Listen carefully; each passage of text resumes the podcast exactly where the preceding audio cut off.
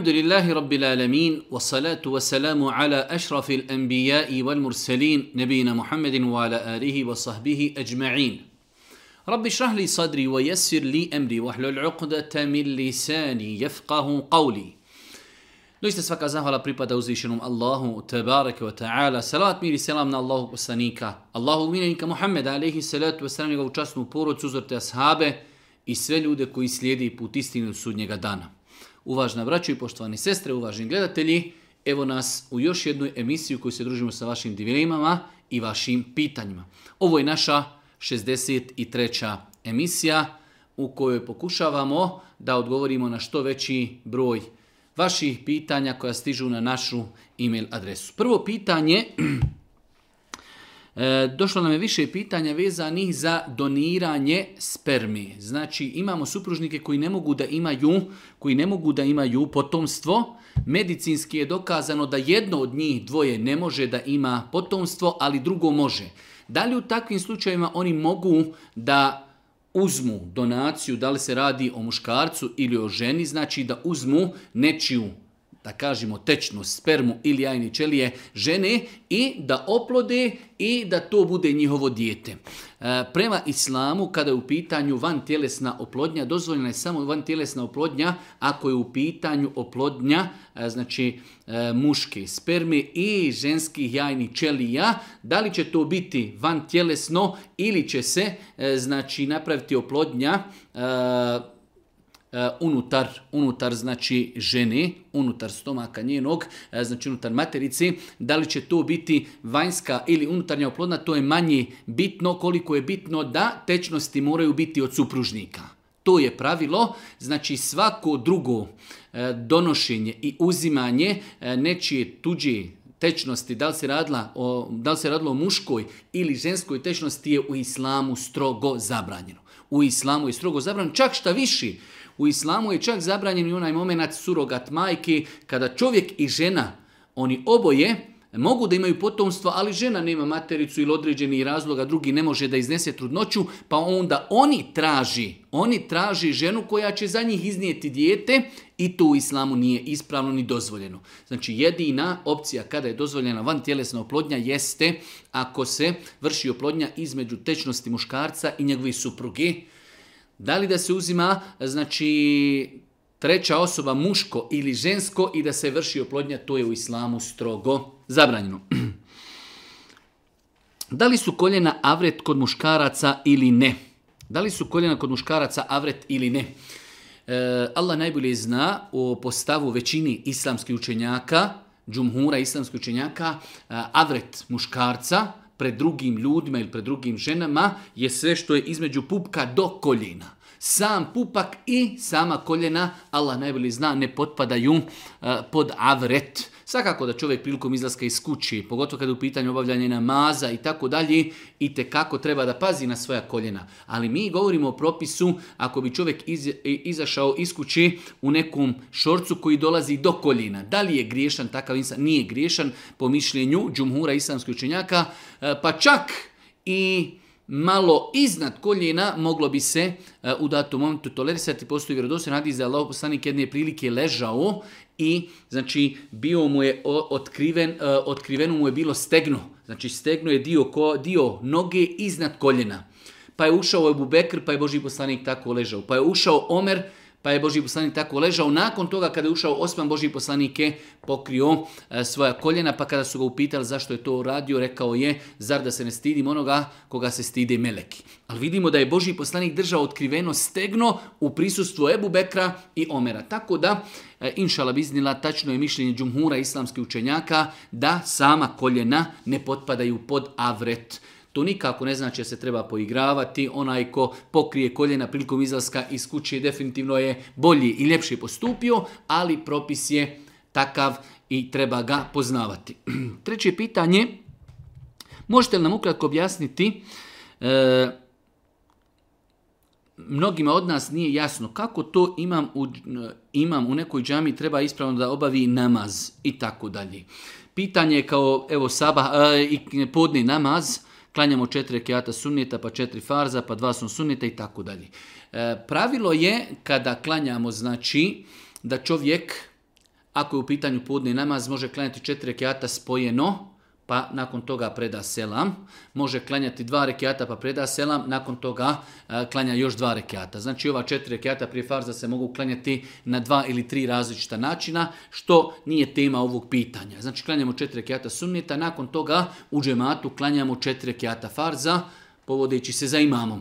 Nakon toga se čini zikr. Nakon toga se čini e, zikr, onaj preporučeni zikr da proučimo ajetul kursi, da proučimo 33 puta subhanal, 33 puta alhamdulillah, 33 puta Allahu ekber i ostali zikrovi koji su zabilježeni od Božih poslanika, ali se letu selam, nakon toga se onaj ko hoće da klanja u džamiji, klanjaju dva rekiata potvrđenih sunneta ili eventualno se klanjaju kući. To je nešto što bi trebala da bude ustaljena E, praksa, onako kako je radio Boži poslanik, ali se letu selam, e, Boži poslanik je naredio da se rastavi sunneti od farza. Pa u ovom slučaju kad smo klanjali farze, rastavit ćemo farze od sunneta na način što ćemo činiti zikr, nakon, nakon toga ćemo ako Boga klanjati dva rekiata potvrđenih sunneta. Četvrto pitanje, e, Malo duže pitanje, ali je pojenta pitanja. E, jedna naša sestra želi da se uda, njen otac je saglasan za, e, za brak, ali ne želi da prisustuje vjenčanju. Iz njemu nekih poznatih razloga ne želi da prisustuje vjenčanju. Kakvo je rješenje? Znači, mi imamo saglasnost, ali otac ne želi da dođe na vjenčanje da tada pred osobom koja će e, znači vjenčavati mladince ne želi tu da bude. Rješenje je da taj staratelj otac da moć nekome. Da li svome sinu, da li svome bratu, bilo kome, povjerljivoj osobi da kaže vidi ja neću, ne želim, ne mogu, imam svoje neke razloge, otiđi ti na vjenčanje i kada Efendija ili onaj ko bude sklapao e, znači bračni ugovor, kada bude pitao e, ko daje saglasnost za ovu djevojku, taj opunomoćitelj, znači osoba koju je otac, staratelj, kazaće će ja sam opunomoćen od strani njenog oca, on je dao saglasnost da se ona uda za tog i tog insana. Znači, e, u islamu ovo opunomoćenje jedno veliko rasterećenje i olakšanje u mnogim nekim pitanjima, pa kao što ne moramo mi zaklati kurban, možemo nekoga opunomoćiti da zakolje za nas kurban i mnoga neka druga pitanja se rješavaju putem opunomoćivanja. Pa nema znači smetnje ako staratelj ne može ili ne želi iz njemu poznati razloga prisustuje vjenčanju, bitno je da je on saglasan. I da nekoga opunomoći kaže idi ti budi umjesto mene na vjenčanju, kada Efendija bude pitao za saglasnost, kaži da si opunomoćen od strane mene, da daš saglasnost da se moja čerka uda za tog i tog čovjeka. Peto pitanje, radim sa naftnim derivatima to jest gorivima. Zanima me da li se gorivo smatra nečistim u islamu. Islamski učenjaci već podavno su govorili o ovim pitanjima kada je u pitanju znači e, benzin, nafta, dizel, ulja i svi ti neki, hajde da kažemo, drugi proizvodi koji se vezuju e, i dobivaju preradom različitih goriva, sve se to smatra po osnovi čistim.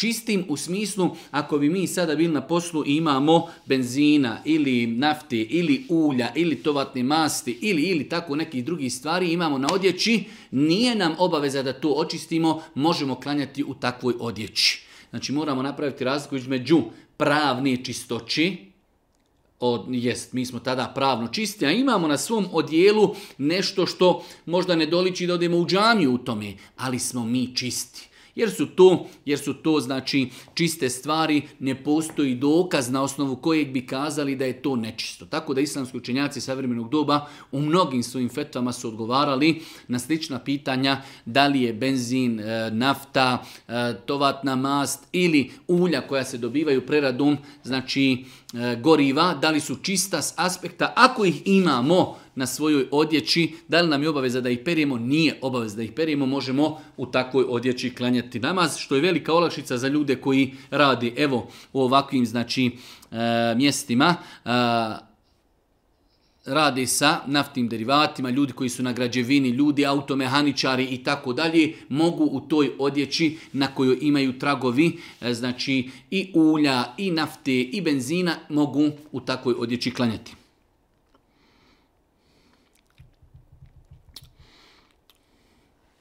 Jedno malo duže pitanje, ja se zovem tako i tako iz Australije. Imam jedno pitanje i znači pitanje da je brat pozajmio bratu jednu veću svotu novca.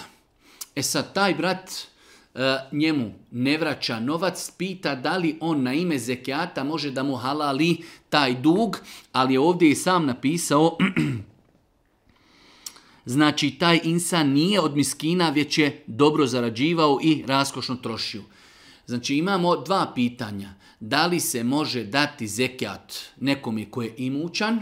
I drugo pitanje, da li možemo na ime zekijata nekome otpisati dugove? U ovom konkretnom slučaju, znači čovjek je dao nekome u dug novac, čovjek je raskošno živio, ima novca, nije bio ali eto uzeo je neke dugove i nakon toga to ne vraća. E, u ovakvom konkretnom slučaju ne može se to računati od zekijata. Zašto? Prva stvar zato što ta osoba, kao što je došlo u pitanju, je imućna pa se zekijat ne može davati imućnoj osobi. S druge strane, kada bi privatili činjenicu da je to insan potreban siroma, većina, velika većina islamskih učenjaka savremenog doba, eh, a i mezhebi prije toga, davali su odgovor da se ne može na ime zekijata otpisati nekome dug. Znači ako smo mi dali nekome 1000 maraka u dug, nakon toga mi trebamo, primjer radi, da izdvojimo hiljadu maraka zekijata. Možemo li mi nazvati osobu i kazati mu, e vidi, ti od danas nama nisi ništa dužan, mi smo evo na to ime izdvojili 1000 maraka zekijata, odnosno ne moraš ti nama vraćati e, te pare, Kazao su islamski učinjaci da to ne može. Mi možemo njemu dati taj zekijat, pa on ako hoće vratit će nama dug koji je dužan nama, ako ne možda će potrošiti u nešto što mu je potrebno. Rezimiramo, da li se može na ime zekijata od, od, odplatiti dug nekome, e, znači ako je nama neko dužan, a mi treba da izdvojimo zekijat. Da li mi možemo njemu reći opraštamo ti dug, a nije timo da nam je to zekijat? Ne može. Znači mi moramo svoj novac izdvojiti iz zekijata, dati ga njemu ili nekome drugome, ali ne možemo to uraditi tako što ćemo nekome otpisati određen dio duga. Svakako da ne dođe do zabuni, e, mi možemo za nekog drugog vratiti dug. Mi ovdje govorimo o osobi koja je nama dužna, da li mi njega možemo osloboditi duga, a da mi ne moramo više izdvajati zekija, to ne može ali da tamo neki haso ima duža nekome drugom e, neki novac, pa mi odemo kod tog čovjeka i kažemo, e, ovo je za hasu, pitali smo hasu, on je rekao da možemo da vratimo dug za njega, to je nešto, to je nešto drugo.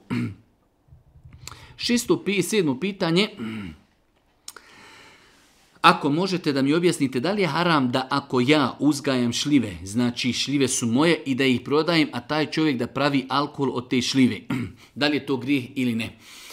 E, pitanje je, znači prodaja šljiva, grožđa ili čak i jabuka i krušaka e, uspoznaji da znamo da će osoba koja kupuje od nas to koristiti za pravljenje alkohola.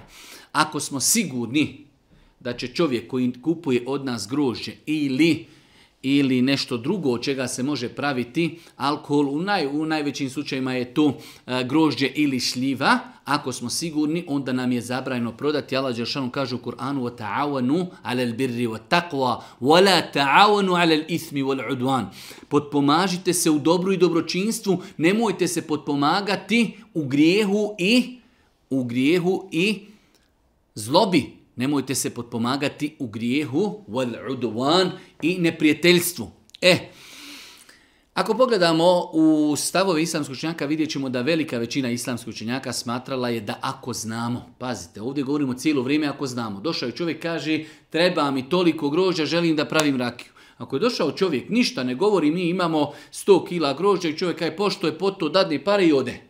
Mi nismo griješni, nam je obavez da ga pitamo. Ali čovjek je došao, vozi kamion i otkupljuje po selu, svi znamo da će, da će to ići za rakiju. Mi govorimo o takvoj situaciji. Nama nije obaveza da ispitujemo. Ako je došao čovjek kaže treba mi 100 kila šljivi. Evo 100 kila šljive po marku, 100 maraka, uzme i odvuče. Nama nije obaveza da ga pitamo, a šta ćeš ti praviti? Ali ako čovjek kaže i znamo i vidimo kakvu vrstu šljive kupuje, ide po selu i kupuje kamionom, svi znamo da će to u rakiju, u takvom slučaju haram je prodati rakiju ili bilo šta drugo ako smo svjesni da će ići, ako smo svjesni da će ići u alkohol i to je bio stav većinskog dijela islamskih učenjaka. Osmo pitanje, kako da postupim ako sam na fakultetu i mjesečnica mi prestani? Imamo vodu u toaletu, ali ne mogu da se okupam. Allah najbolje zna. Ako je obaveza u tom momentu, znači imamo situaciju, kao što smo nekada govorili, žena na putu, putuje i prestala je mjesečnica. Šta će? Kažem, uzet ćete jemom, klanjat će dok ne dođe do svoje kuće ili do nekog hotela ili motela ili gdje ima priliku da se okupa i to je to. Slična je situacija na fakultetu. Ako je to period kada žena mora biti na fakultetu, ne može to zaobići, da li je to ispit, da li je to neki čas i tako dalje, onda neće dozvoliti da namasko vrijeme prođe, uzet ćete jemom i klanjat će. Do prve mogućnosti, prve opcije kada će ako Bog da što prije se okupati i početi klanjati namaze, znači nakon kupanja. Znači pitanje je da li žena, djevojka koja se trenutno zadesi na fakultetu, vidi tragove čistoći od hajza i mjesečnici, e, nema priliku da se okupa, a boji se će namasko vrijeme izaći i proći šta ćemo kazati, u takvoj situaciji, ako ne može do kraja namaskog vremena naći prostora i priliku da se okupa, uzet će tejemum, a ako Bog da dok imadne prvu priliku da ode e, do mjesta gdje ima priliku da se okupa, okupa će se i nastaviti sa namazima. da li, zanima me da li su ispravni hođe koji preko telefona kažu ima li neko problem u sihru ili u kući. Majka je zvala jednog od hođa s pitanjem da li ima nešto, a on bi tražio ime osobe i njegove majke i tako dalje.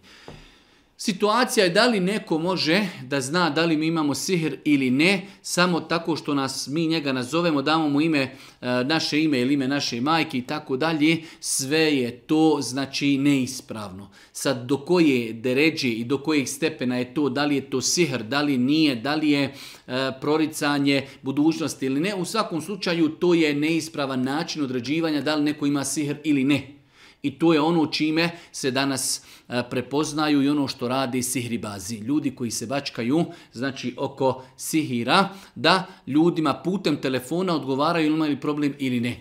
Znači čovjek može sa bolesnikom porazgovarati na telefon pa da na osnovu njegovih odgovora shvati da li je bolestan ili ne. Ali da neko nekog nazove i kaže e meni je ime tako i tako, majka mi se zove tako i tako, kaže u redu, zove za 10 minuta i kaže e jesi bolestan ili nisi bolestan, to je neispravno, to je neispravno. Eh, eh, spoznaja kako možemo spoznati da je neko bolestan ili kroz razgovor ili prilikom učenja ruke ako čovjek ima reakciju. To je znači ispravno, a rješavati nečije probleme putem telefona na način da nam kaže ime, njegovo ime, njegove majke ili oca, to je neispravan način.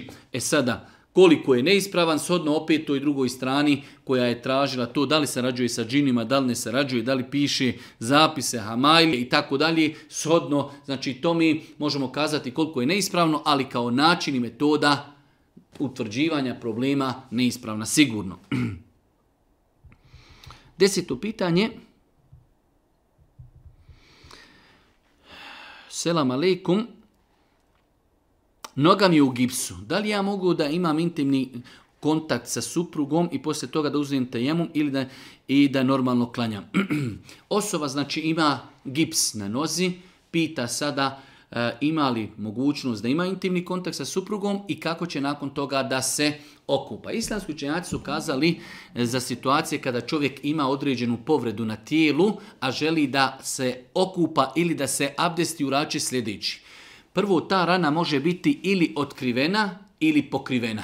Znači imamo dvije opcije. Ili je, ako nam je tijelo ranjeno, imamo ranu, može biti tije, ta rana otkrivena ili pokrivena. Prva obaveza je da to operimo.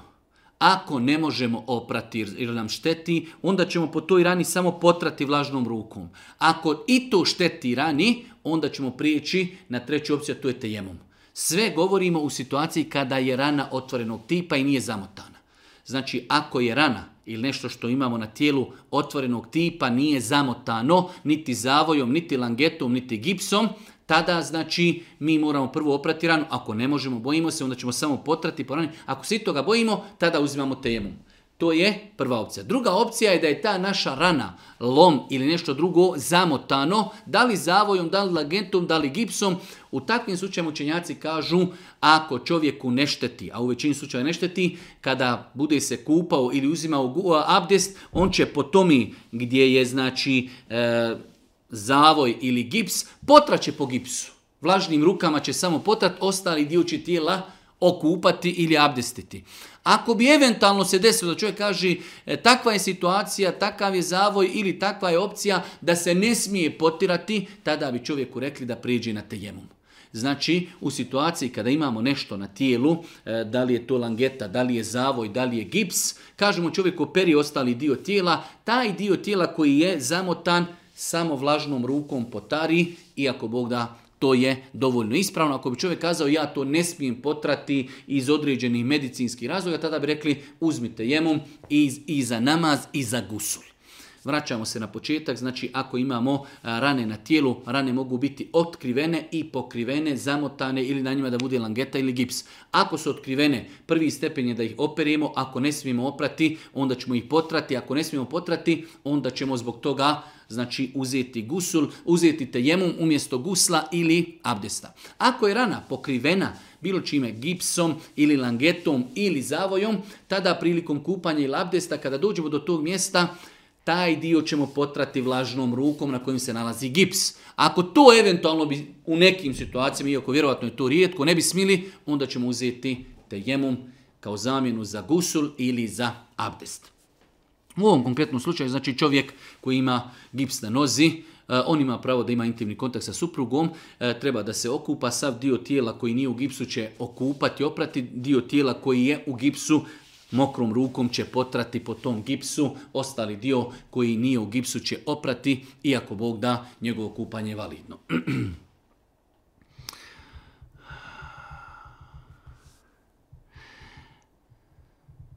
Kakvi su propisi hijjaba po pitanju vezanja kose ispod marami? E, jedno od pitanja koje je veoma bitno znati i da kažemo ima za njim velika potreba jeste žena koja ima dužu kosu i nosi mahramu. A ne može kosu iz određenih opet razloga praktični e, nositi puštenu ispod mahrami. E, kako žena da sviži kosu? Žena će svizati kosu tako što će rep, znači ili tu punđu, kako već e, šta uradi, stavit će skroz na kraj glavi na vrat. I nakon toga pokriti mahramu. Svako dizanje, znači punđe na glavu je E, velik broj učenjaka osudio i zabranio, tako da žena muslimanka treba to maksimalno da izbjegava. Nažalost, živimo u vremenu kada velik broj naših majki i sestara, neke iz neznanja, a neke svjesne, e, znači e, nosi takav način i hijjaba i, hajde da kažemo, tako vezuju kosu što je neispravno. S jedne strane to i privlači pogled muškaraca za razgo ženi koja je svoju kosu svezala, znači na takav način da joj je rep ili ta punđa na vratu. I kada preko toga dođe mahrama, to više nije uopće upadno za razliku koja punđu stavi znači na potiljak ili gore na sredinu glave gdje zaista to privlači pogled, a po velikom broju čenjaka i to potpada pod onih hadise u kojima Allah poslanik ali se letu selam govijestio e, vrste žena koje neće osjetiti miri dženeta, tako da u svakom slučaju e, žena vjernica muslimanka treba da pazi na svoj hijab, i treba da pazi kada je u pitanju vezivanje kose, da ako već treba da vezuje kosu, onda će je svezati znači e, i taj svezani dio da bude na kraju glave na vratu, znači ili kod vrata, kako ne bi bilo to upadno prilikom znači izlaska iz kući. da li je u redu biti u mezarlucima dok e, hođa uči ezan? Ne znam da postoji neka zabran da čovjek bude i boravi u mezarlucima, dok se negdje drugo uči ezan sa džamije. Znači, osim u kontekstu da bi kazali Čovjek ako je tu, blizu džamija, uči ezan, treba da ide u džamiju da se odazove to u namazu, ali nevezano je to da li mi možemo u tog učenja ezana biti u mezarovima ili mezaristanu, e, obilaziti medjete, e, učiti dovu, možda nešto raditi i tako dalje. Nema nikakve smetnje, ne, ne znam da u islamu postoji dokaz koji zabranjuje da čovjek boravi e, među mezarlucima, znači ili u E, greblju, takozvanom greblju ili mezar, e, dok uči ezan. Drugo slično pitanje, da li u redu biti na mezarlucima nakon akšama i posjećivati ih u pola noći? E, zabilježeno vjerodostojno da Allah poslanik ali se letu u noćnim satima znao posjećivati poznati e, mezaristan i mezarluke u Medini El Baqija. El Baqija.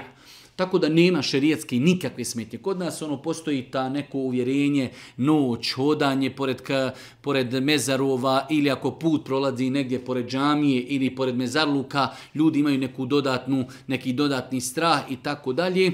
Znači Boži poslanik Ali se letu selam zabilježeno vjerodostojno hadisma da je znao naveći, znači baš naveći, kasno naveći znao je i nakon noćnog namaza otići i posjetiti mezarluke i učiti dove za stanovnike e, tih e, mezaristana, tako da nema s aspekta šerijetskog nema nikakve smetnje da čovjek i tokom noći odi i posjeti mezarluke.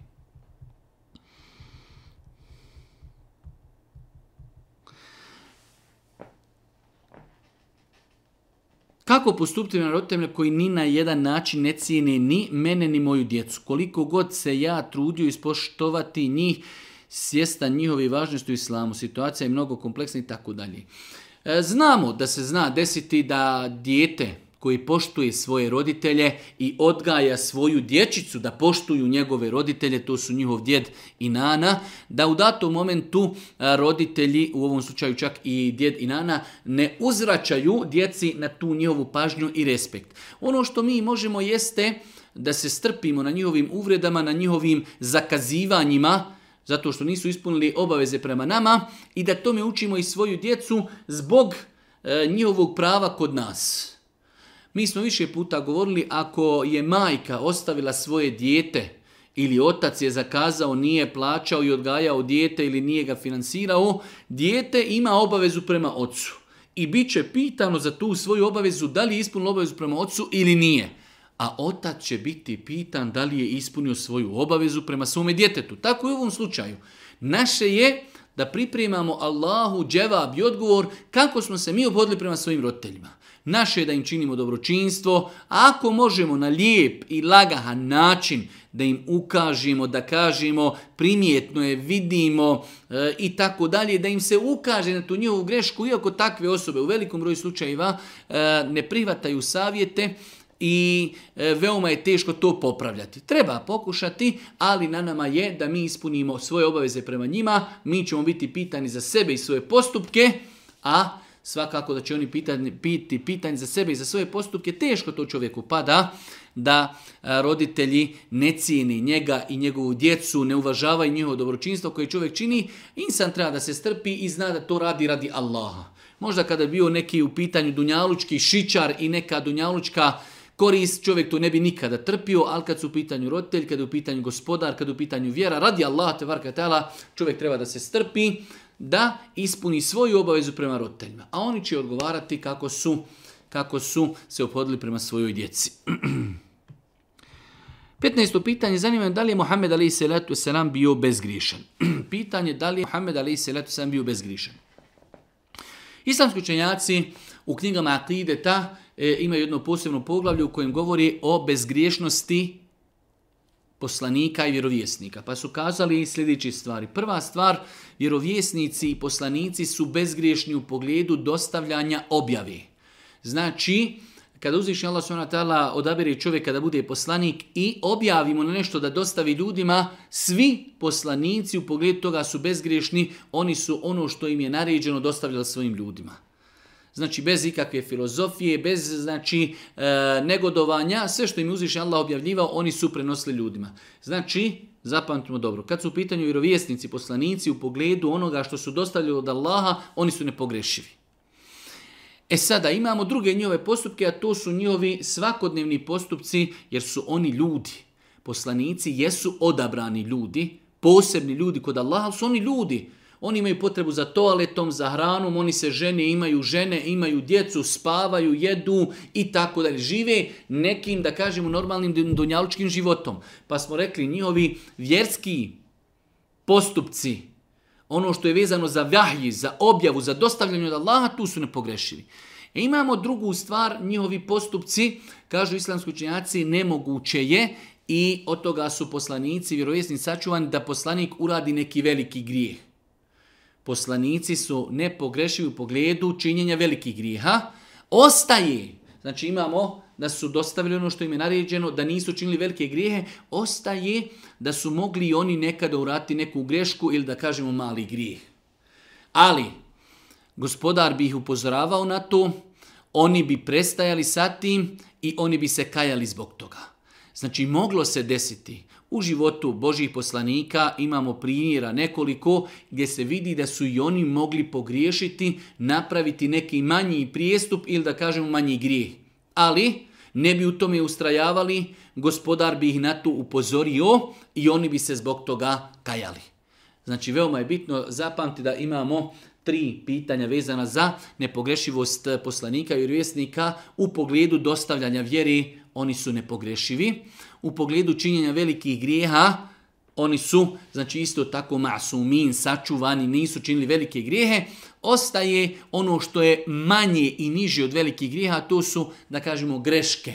Greške i mali grijesi, gdje se moglo desiti poslanicima da urade malu grešku ili mali grijeh, s tim da bi gospodar na to upozorio, da nisu ustrajavali, da bi to prekidali i da bi se kajali gospodaru zbog toga. To je inšala ispravno e, vjerovanje i rezime onoga što su islamski učenjaci kazali u pogledu pitanja bezgriješnosti, bezgriješnosti vjerovjesnika i poslanika. Pitanje broj 16. Da li mrtvi čuju kada im posjetimo mezar? I da li znaju da smo ih posjetili? Generalno ne treba se mnogo opterećavati ovim pitanjima. mrtvi dok su bili živi, trebalo se maksimalno potruditi da što bolje iskoristi svoj život. Kada odu, mi možemo za njih doviti Allahu te bar da im oprosti, da im ukabuli dobra djela, da ih sačuva džehennema i tako dalje. Da li oni nas čuju, da li nas ne čuju, to su pitanja gajba. U svakom slučaju postoji hadis u pogledu koji postoji jako razilaženje kod vjerskih eh, eh, hadijskih učenjaka muhaditha, da li je vjerodostan hadis ili ne, hadis stoji da je Boži poslanik kazao kada god neko od vas prođe pored kabura svoga brata muslimana koji je znao na Dunjaluku, kada god se desi da neko od vas prođe pored kabura svoga brata muslimana koji je poznavao na Dunjaluku, feseleme alejhi, pa nazove tom čovjeku selam i za njega uči dovu, illa arafehu radde alejhi selam, a kaže kada on to uradi, nazove mu selam, on će ga, kaže, prepoznati i kaže odgovoriti mu na selam. Ovaj hadis mm, dio učenjaka poznatih kao mutaahirina u hadijskoj nauki su smatrali vjerodostojnim kao što je Abdul Haq Išbilji, e, Kurtubi ibn Tejmije, Iraqi, Zubejdi, Sujuti i još neki učenjaci Ševkani, ovaj hadis su smatrali dobrim i ispravnim. Znači dio učenjaka ali mutaahirina, znači iz posljednjih generacija ummeta, smatrao je ovaj hadis vjerodostojnim. E, dio učenjaka je kazao da je ovaj hadis nije vjerodostojan, pa ako bi ovaj hadis bio vjerodostojan, onda inšala bi iznila e, možemo kazati da ako insan dođe i posjeti mezaristan, nazove selam ljudima, kao što je došlo e, da je od čovjek kada dođe i posjeti kaburove, da nazove selam i da prouči dovu za te ljude, da znači osoba koja ga je poznavala na Dunjaluku, e, da ga prepozna i da mu odgovori na selam. Na to nam ukazuje ovaj hadis. Da li postoji prepreko u islamu da nemusliman oženi muslimanku, ukoliko on neće imati ništa protiv toga da ona nastavi da u potpunosti upražnjava svoju religiju i nastavi da poštuje islamske običaje? E, mi smo nekoliko puta govorili, ali ovdje smo ovo pitanje ponovo odgovaramo samo iz razloga što ovdje doda to da bi taj nemuslima njoj dozvoljavao da ona upražnjava svoju vjeru. U svakom slučaju, prema konsenzusu islamskih učenjaka, muslimanki nije nikada dozvoljeno se uda za nemuslimana.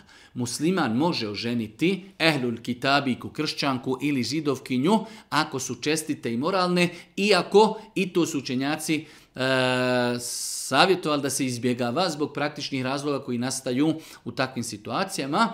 A kada je u pitanju udaja žene za nemuslimana, bez obzira da li on bio ehlul kitabija, kršćan ili židov ili neki drugi nemusliman, e, znači prema konsenzusu islamskog činjaka ženi nije dozvoljeno se uda e, i bilo koji intimni kontakt u takvom, znači nazovimo ga braku, smatra se nemoralom i bludom. Tako da to što će joj taj čovjek dozvoliti da prakticira vjeru nije razlogom, nije razlogom da se to dijelo dozvoli takoj osobi.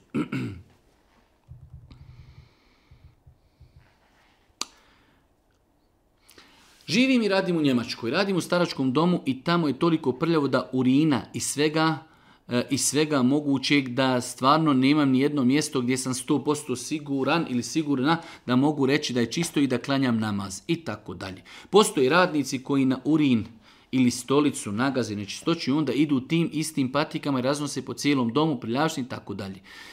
Je li nam obavez klanjati namaz na takvim mjestima ili da naklanjamo kada dođemo kući? U svakom slučaju, e, čovjek vjernik obaveza mu je da namaz klanja u namaskom vremenu. To je jedna stvar ne smijemo dozvoliti da prođe namasko vrijeme, a mi nismo klanjali namaz. E sada, u takvim situacijama, Prva stvar, definitivno razumijem situaciju da može biti urina i da može biti nečistoće, to je u redu.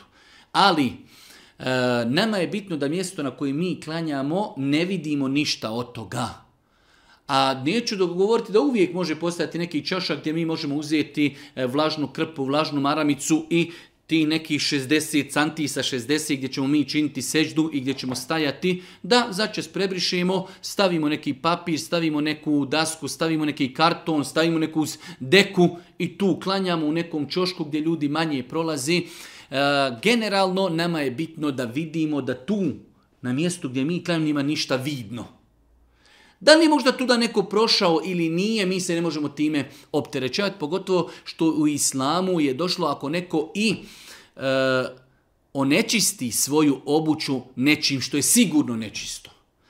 Samim daljim hodanjem ta nečistoća će se očistiti. Tako je došlo u više vjerodostojnih hadisa Božih poslanika, ali se letu selam, tako da E, insan se treba potruditi. Nema ništa od naklanjavanja, već da se potrudi, da sebi nagdje neki, nađe neki čošak gdje ljudi manje hodaju, da to prebriši, da stavi neki karton ili ne znam ako može čaršaf ili plahtu ili, ili, ili e, na mjestima gdje manje ljudi hodaju, bitno je da tu na mjestu gdje mi hodamo da ne vidimo da ima išta vidno od mokraće ili od ne daj Bože e, znači neđaseta i da mi ako Bog da tu klanjamo i naš namaz je, naš namaz je e, ispran. Ovdje i stoji problem, kaže, nema ni jedno mjesto gdje sam 100% siguran. I od nas se i ne traži da budemo 100% sigurni. Nama je bitno da mjesto koje mi želimo na njemu klanjati, da vidimo, nema tu ništa vidno. Nema tu ništa vidno. Evo ako mi dodatno, ako se ljudi tuda možda i prolazi, da uzmemo mokru krpu, da malo samo prebrišemo, da budemo sigurni da smo uklonili, e, ako eventualno tu neko prolazi, uklonili nečistoću, neđaset, prostrijemo krpu, prostrijemo karton, prostrijemo plahtu i tu ako Bog da, klanjamo.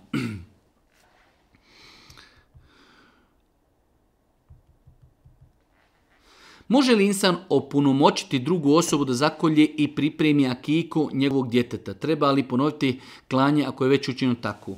nema potrebe, znači da se ponovo e, kolja kika. Pitanje glasi da li čovjek može u nekoj drugoj državi ili gradu ili mjestu da opunomoći nekoga ko će za njega zaklati akiku i ako se tako uradi da li je ta akika ispravna, jeste.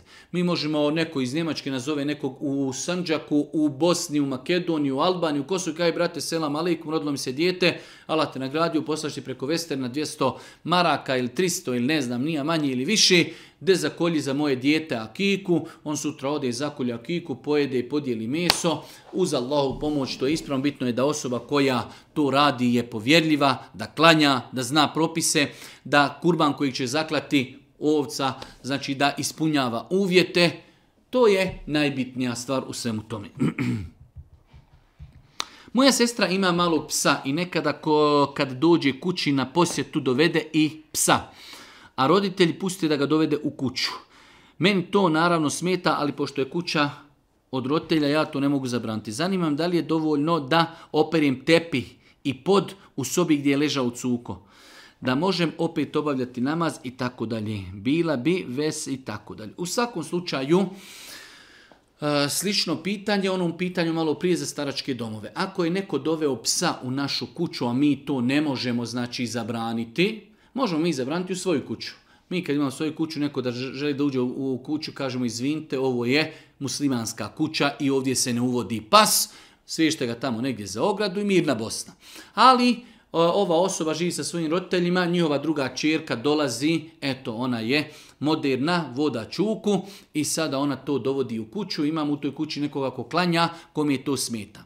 E, većina učenjaka smatrala da je tijelo psa generalno nečisto ali ispravno, inšala, da ne postoji dokaz da je tijelo psa nečisto. Što znači ako negdje pas i hoda po inšala, ta mjesta nisu nečista. Ta mjesta nisu nečista. Nečist je njegov izmet, njegova mokraća, ali samo tijelo psa, ako je negdje prohodao ili legao, to nije nečisto. Svakako treba higijenski očistiti. Mi govorimo s aspekta islama, da li je njegovo tijelo nečisto, nije. Ne postoji dokaz za to. Znači ako bi negdje pas prošao ili eventualno legao, nama nije obaveza to prati. Možemo mi to zbog sebe, zbog higijene da prebrišemo, ali nije obaveza. To je jedna stvar. Osim što su kazali da je pljuvačka psa nečista i znamo kako je došlo u na hadisima Buhari i muslima da se e, posuda koju je nalo kao pas treba oprati sedam puta, a zadnji put znači jedan od tih sedam puta da bude znači pranje zemljom. E, ako bi se desilo doista da pljuvačka psa dotakne određeni dio znači kuće, to treba oprati. Po mogućnosti, ako se može oprati ovako kako je spomenuo Boži poslanik, ali se letu selam, sedam puta, jedan od tih sedam puta da bude znači ili zemljom ili nekim savremenim praškom, znači za pranje, e, ne znam sad, faks ili nešto slično tome. A kažu islamski sučenjaci i odjeća koja se stavi u e, ove električne mašine za pranje veš, inšala bizna, to je dovoljno da odjeća tako oprana postane čista nakon onog mašinskog pranja. Tako da rezimiramo, pas njegovo tijelo nije nečisto, ako negdje pruđe po kući ili legne, to nije nečisto. Da li ćemo mi higijenski to prebrisati, to je druga stvar. Osim ako bi pljuvačka ili ne daj Bože izmet ili ne daj Bože mokraća, e, znači onečistila određene stvari, te stvari treba oprati, ako se mogu oprati, znači onako kako je preporučio Boži poslanik ali se letu da se operu sedam puta, jednom od tih sedam puta da to bude zemljom, da, ako ne, onda i bilo kojim savremenim praškom za pranje, znači nema nikakve smetnje ili da se opere mašinski svetu ako Bog da ispravno.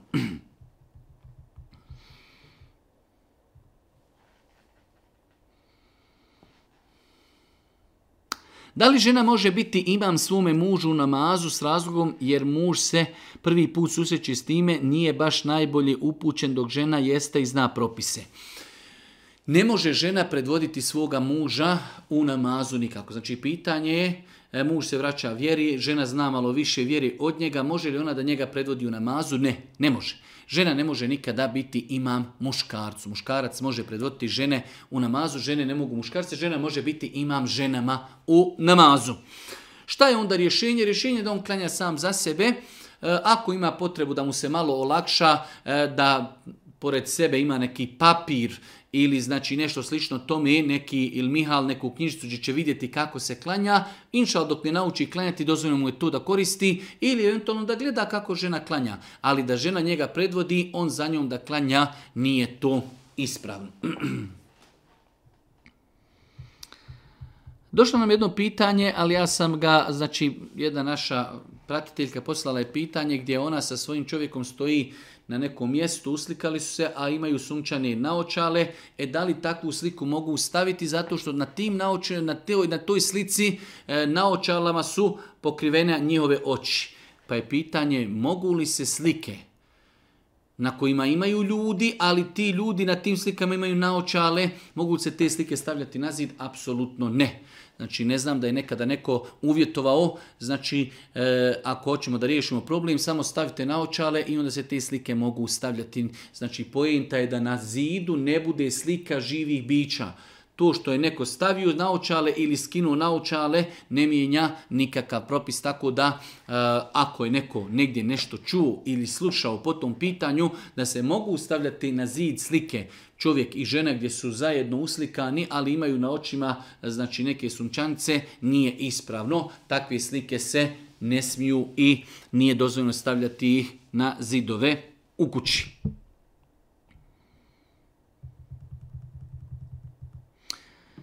Vezano za pranje veša utorkom i petkom, godinama sa svekrom imam taj problem. Ne da prati veš i sudove utorkom, ne da sjeći nokte djeci petkom. Ja poznajem donekle vjeru i obaveze, ali po ovom pitanju bih željela vaš savjet tako dalje. Znači imamo jednu našu sestru koja ima problem sa svekrvom, koja praktikuje i uvažava određene stvari koje nemaju nikakvo utemeljenje u vjeri. Šta u takvim slučajima raditi? U takvim slučajima čovjek treba da kažemo da bude pametan i mudar. Ako, ako mogu pojasnit ću, ako ne mogu pojasniti, e, ispoštovat ću to što od mene traži samo da kažu da bude mir u kući. Ako ću ja oprati na taj dan veš, pa zbog toga 15 dana ne pričati sa svekrvom i psovat će me, vrijeđat će me i potvarat će me zbog toga, onda je bolje opraću sutra veš i mirna Bosna.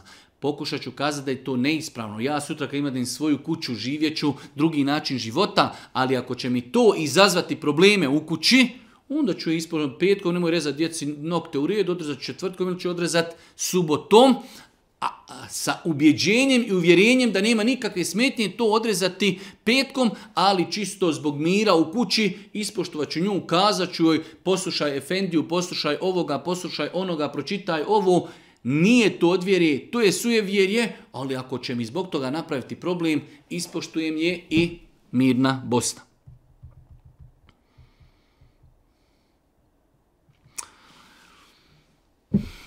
Pratim vaše izlaganje na Facebook stranici, ali me interesuje, odnosno treba je mišljenje islama s medicinskog aspekta, pitanje eutanazije, transplantacije organa i abortusa.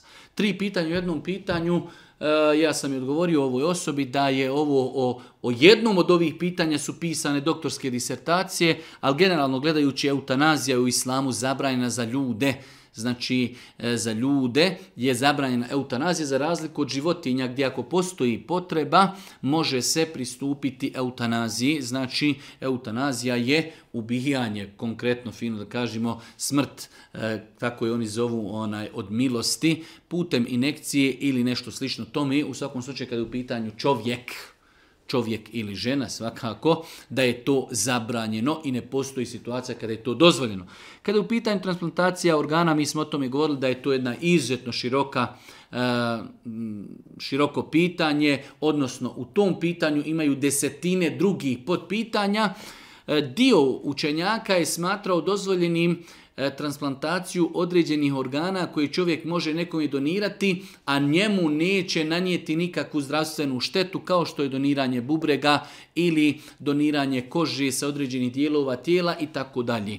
To je nešto što su islamski učenjaci dozvolili. Imaju mnoga druga pitanja u pogledu kojih islamski učenjaci imaju različite stava, imaju pitanje u pogledu kojih znači određena, određene stvari, ako ćemo mi nešto donirati ljudima i time ugroziti sebe, svoj život i svoje zdravlje ili nekada e, da čovjek ako donira srce ili nešto drugo prestaje time njegov život, to je, tada je definitivno zabranjeno. Tako da e, u pogledu znači transplantacije e, postoje postoje znači mnogo različitih pitanja, ali evo rezime onoga E, ako postoje određeni dijelovi tijela koje mi možemo donirati, a nama neće biti šteta, inšala bi da to je dozvoljeno. Abortus, e, po konsenzusu islamskog čenjaka, zabranjeno je abortirati nakon 120 dana trudnoći.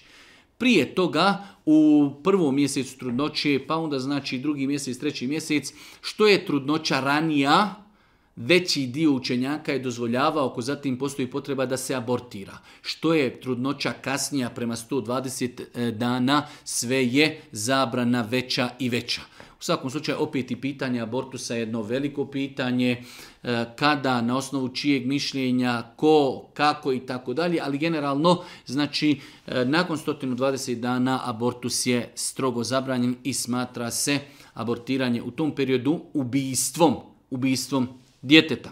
A u fazama prije toga, znači, sodno koliko je trudnoća, e, znači, starija ili ranija. Pitanje, imam sljedeće pitanje, u braku sam sa mužem toliko godina. Čovjek stalno čini blud sa ženama. Pazite, konstatacija, čovjek stalno čini blud sa ženama. Par puta je se desilo da saznam, ali uvijek je to bilo poricanje i pravljenje mene ludi. Nikad konkretan dokaz nisam imala osim toga što je viđen sa njima na javnim mjestima. I tako dalje. Pazite, e, ne želimo mi nikoga braniti, niti nekoga kritikovati. Ali u islamu kazati da je neko počinio blud je potvora osim ako imamo jasan dokaz. A jasan dokaz je da čovjek kaže jesam počinio sam blud ili da su ga vidjela četvorica ljudi kako čini blud. To su dva načina kako možemo ustvrditi da je neko učinio blud. Da, čovjek za sebe kaže ja sam počinio blud i druga situacija je da ga četvorica ljudi vide kako bludniči. U protivnom, kazati za nekoga da je počinio blud je potvora. U ovakvim slučajima žena kaže moj muž čini blud, a na kraju dole kaže ja kaže zato nemam nikakav konkretan dokaz. Osim što su ga ljudi vidjeli negdje na javnim prostorima sa tim nekim ženama. Nije on činio na javnoj površini blud pa da su ga ljudi vidjeli, uvijek su vidjeli u prolaz sa tim ženama. U svakom slučaju, e, znači, zbog toga sam i postavio ovo pitanje da ukažemo ljudima na opasnost. Mi ne želimo da opravdamo nekoga, njegove postupke, njegov nemoral, njegovu nepažnju, to je nešto drugo ali moramo isto tako biti pažljivi i ako nekog osuđujemo, moramo paziti da ne uradimo nešto neispravno. Pa je neispravno nekome kazati počinio si bluda, zato nemamo dokaza. I time smo mi potvorili tog insana. E, kada u pitanju islam, čovjek ima pravo da ode kod kadije, da nas tuži i da budemo sankcionisani za potvoru. Rekli smo čovjeku da je počinio blud, a nemamo dokaza. E sada ostaje moment osobe u braku, šta da radi takva osoba? ima muža za kojeg priča čaršija da on čini blud sa drugim ženama, nema za njega konkretnog dokaza da je to činio. U svakom slučaju ostaje mogućnost e, savjeta, razgovora, kritike, jačanja povjerenja, uvažavanja. Ako to ništa ne urodi plodom i vidimo da čovjek ne mari za porodcom, ne ostaje ženi ništa drugo osim da traži razvod.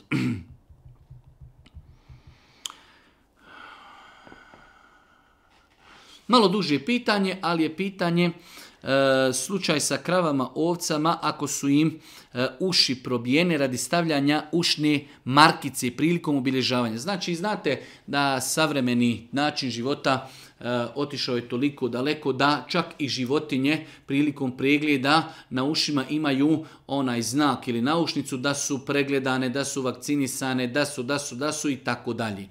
Da li to probadanje ušiju E, biva razlogom da ta životinja ne može biti kurban. Jer znamo da kurban mora da bude e, čist od tjelesnih mahana. Pa su islamski učinjaci govorili o mahanama nogu, pa mahanama repa, pa mahanama eh, očiju, mahanama rogova i mahanama ušiju. Znači, hvala Bogu, pa naša islam vjera definisala je sva ta pitanja. Pa su islamski učinjaci od 1200 godina govorili o mahanama ušiju, koliko uho smije biti nakinuto, koliko biti smije otkinuto i tako dalje. U svakom slučaju, ako čovjek može birati između dva kurbana, kurban koji nema oštećeno uho, i kurban koji ima oštećeno uho samo na kojem ima ta naušnica, bolje da uzme kurban na kojem nema s aspekta samo gledamo, ne govorimo medicinski, gledamo s aspekta mahani ušiju, bolje da su uši čitave. Ali isto tako znači zaklati životinju koja ima samo probijeno uho kako bi na njega stavila se naušnica ako Bog da nije to tolika mahana da bi za tu mahanu kazali da poništava validnost kurbana. Tako da je inšala rezime odgovora krave ili ovce ili deve ako na uhu imaju e, zakačenu naušnicu, ta naušnica im je prokinula uho kako bi se mogla zakačiti kako ne bi spadala, inšala takav kurban je ispravan i validan. Naime, zanima me šta čovjek može uraditi ukoliko u namazu zaboravi dio suri ili dovi. Ako čovjek, svakako nadam se da se ovo ne odnosi na fatihu, jer ne znam da neko može zaboraviti učenje fatihi, u namazu ako nam se desi da smo počeli učiti suru i stali smo, ne znamo nastaviti, mi možemo učiniti ruku. Znači, bez obzira smo pručili samo jedan ajde da kažemo inna tajna kel keuther i ne znamo dalje. Allahu ekber, možemo otići na ruku. Možemo početi neku drugu suru da kažemo uzbillahi šeitanu šeitan džim, bismillahirrahmanirrahim, kul huvallahu ehad, allahu samed i tako dalje. Znači, ako nam se desi u namazu da učimo neku suru mimo fatihe, fatihu moramo proučiti. Mimo fatihe učimo neku suru i pomili smo se. Pokušat ćemo nastaviti. Ako vidimo da ne ide, možemo reći Allahu ekver, idemo na ruku. Ili, ako smo planirali, želimo da učimo nešto duže, noćni namaz, ne znamo nastaviti, učit ćemo neku drugu suru i nema u tome, ako Bog da, ništa sporno. Isto je pitanje i sa dovama, znači čovjek je počeo učiti neku dovu i zaustavio se, jednostavno ne možemo naumpasti kraj te dove, nastavit će neku drugu dovu ili će prekinuti učenje dove i nastaviti sa namazom dalje. Tako da znači, jer e, učenje Kur'ana mimo Fatihe je sunnet. Učenje Kur'ana u namazu mimo Fatihe je sunnet. Dobrovoljno djelo, što znači e, kad bi samo proučili Fatihu i rekli Allahu Ekber, naš namaz je ispravan. Kada proučimo jedan ajet i ne znamo dalje nastaviti, mi možemo odmah otići na ruku, a ako želimo ostati duži u namazu, ako se ne možemo sjetiti suri, onda ćemo početi učiti neku drugu suru. Predzadnje pitanje, kakav je stav Islama u pogledu odlaska u cirkus sa djetetom? Odlazak u cirkus. Islamski učenjaci savremenog doba od vremena kako je se pojavio cirkus, ima islamski učenjaci su već u svojim fetama ispominjali odlazak na cirkus, znači da li je dozvoljen u cirkus, znači da li je dozvoljen ili ne. U većini slučajeva, pazite, može se desiti e, generalno gledajući da čovjek ode na neku, da kažemo, manifestaciju, priredbu, nešto slično, cirkusu u osnovi je halal. Ali ono što mi sad vidimo u svijetu, u cirkusima, jesu sljedeće stvari. Prva stvar, nerijetko se zna dešavati, nerijetko se zna dešavati da ljudi koji su u cirkusu se bave sihrom. Kao što je spomenuto, znači za vrijeme Musa ali se letu selam i, i njihov znači e, ono, poznati događaj sa Musaom i sihribazima, kaže pa su opsihrili oči ljudi.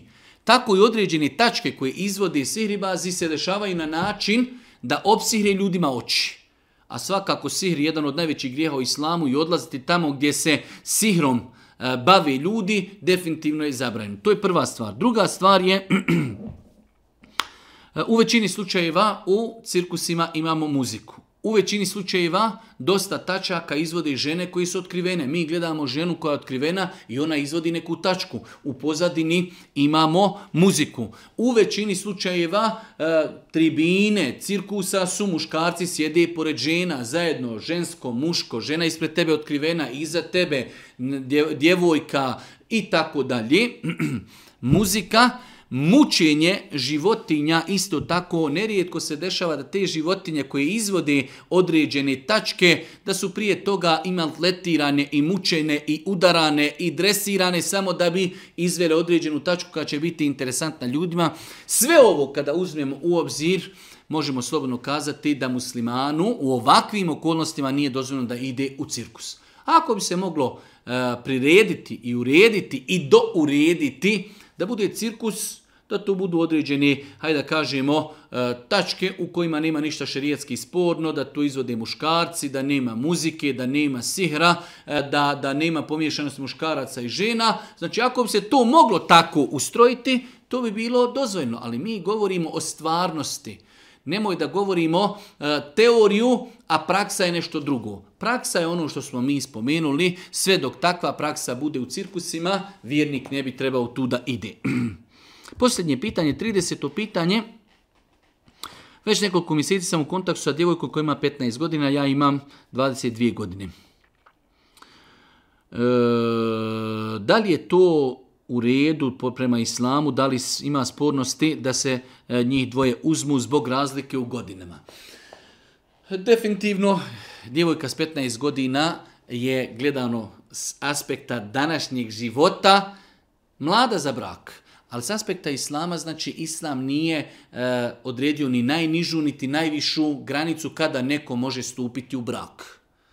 Može žena sa 95 godina stupi u brak. Isto tako sa 80 i sa 120. Tako da nema smetnji, znači govorimo s aspekta islama.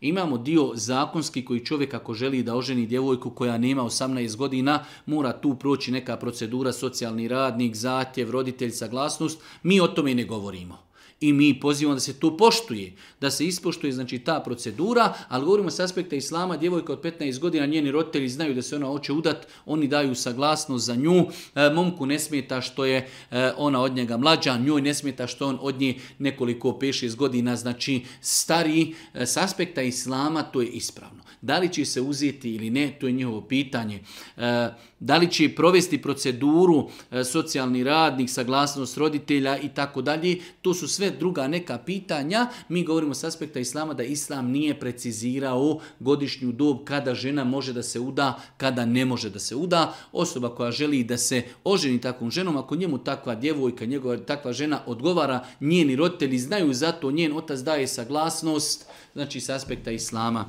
takav brak je ispravan. Allah subhanahu wa ta'ala molim da nas učini na putu istine. Allah subhanahu wa ta'ala molim da nam podari korisno znanje na kraju. Subhaneke, Allahumma da bihamdike, šedu in la ilan stakfiruke, ve tubu ilik. Ah.